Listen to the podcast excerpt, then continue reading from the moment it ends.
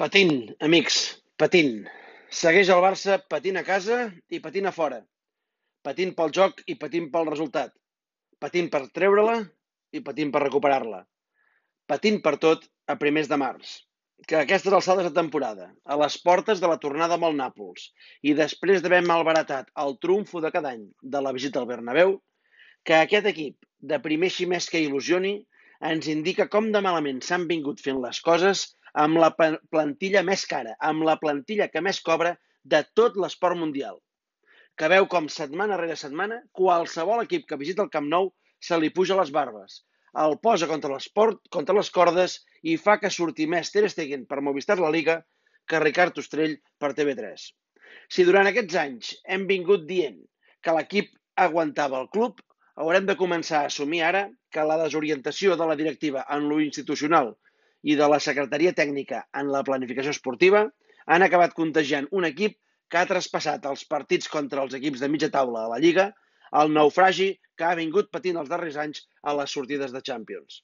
Per sort, als equips de la Liga els falta gol i la cosa, la cosa es pot anar trampejant amb el que li sobra a un Messi a qui cada cop li costa més tirar ell solet d'aquest equip. Un Messi que exigeix ja un projecte al darrere, un equip al costat, algú a dalt. Ho exigeix també una afició ja farta de tot, que avui ha dedicat una espectacular xiulada i mocadurada, la segona en dos partits, a Josep Maria Bartomeu, president, vicepresident esportiu i director de futbol del primer equip. El gran culpable de la galopant putrefacció en què ha entrat el club. Amb el que s'han de conformar de moment tant l'afició com Leo Messi és amb el seu nou company a la davantera, un Martin Braithwaite que ha justificat en partit i mig que Quique Setién el demanés per aportar el dinamisme, la pressió i el joc a l'espai que tanta falta li feia l'atac blaugrana. Res a dir-li a Quique aquí, i tampoc en altres àrees, ja que l'home s'ha trobat el que s'ha trobat i ho va trampejant com bonament pot. Sí que comença a incomodar, d'altra banda, que cada dia trobi un motiu per seguir alineant un Rakitic en evident decliu o aquell estrany element anomenat Arturo Vidal, quan no els alinea tots dos junts. També desorienta que segueixi sense donar-li bola a Riqui Puig i més aviat poca, mm, què dic poca, poquíssima a Ansu Fati, dels pocs que il·lusiona un Camp Nou que avui ha acabat el partit de la mateixa forma que l'ha començat. Patint, sí. Patint. El Los Angeles Lakers Milwaukee Bucks d'aquesta matinada de la NBA ha estat una veritable benedicció, i no només una benedicció per mi, o pels Lakers, que han guanyat amb una extraordinària exhibició de l'Ebron James. Imagina't, 37 punts, 8 rebots i 8 assistències de l'Angelet. Sinó una benedicció, sobretot per l'NBA, que està sucant pa amb tot el que es va viure a l'Staples. I és que el Bucks-Lakers ha esdevingut un duel directe tant en atac com en defensa en la major part del partit entre l'Ebron James i Giannis Antetokounmpo, entre el rei i qui l'aspira a destronar. Avui tots sabem que el rei segueix sent el rei, però el rei sap que el que més tard o més d'hora el destronarà no és poca cosa.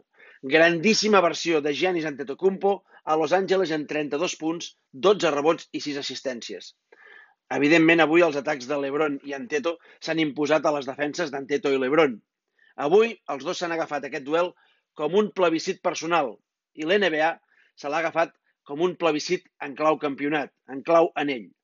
La possible, potser probable, final de l'NBA un spoiler amb tots els focus. Han guanyat els Lakers i podríem dir que fins i tot han guanyat bé. No en va, no només tenen l'Ebron, tenen també un, tant, un tal Anthony Davis, autor de 30 punts i 9 rebots, que ha estat absolutament clau altre cop en els moments calents del partit. I tenen també un grapat de jugadors en aquella edat ideal per lluitar pels campionats. Milwaukee Bucks és un gran aspirant i possiblement el gran favorit de l'est per sobre dels efervescents Celtics de Tatum i Kemba, però el magnífic eh, roster que envolta en Teto potser encara els hi falten alguns anys i algun Anthony Davis. Amb el d'ahir, per cert, ja són 20 partits aquest any de l'Ebron amb més de 30 punts. Els 20 amb victòria dels Lakers, en el que suposa un rècord absolut, un rècord absolut, però no dels Lakers, sinó de la història de la NBA, superant les 16 victòries sense derrota en el més 30 punts de Cal Malone amb el Jazz que data al tanto del 80, de la 82-83, i de les 17 de Clay Thompson i els Warriors a la 2015-2016. LeBron i els Lakers, insisteixo, 20 victòries sense derrota, amb King James fent-ne 30 o més.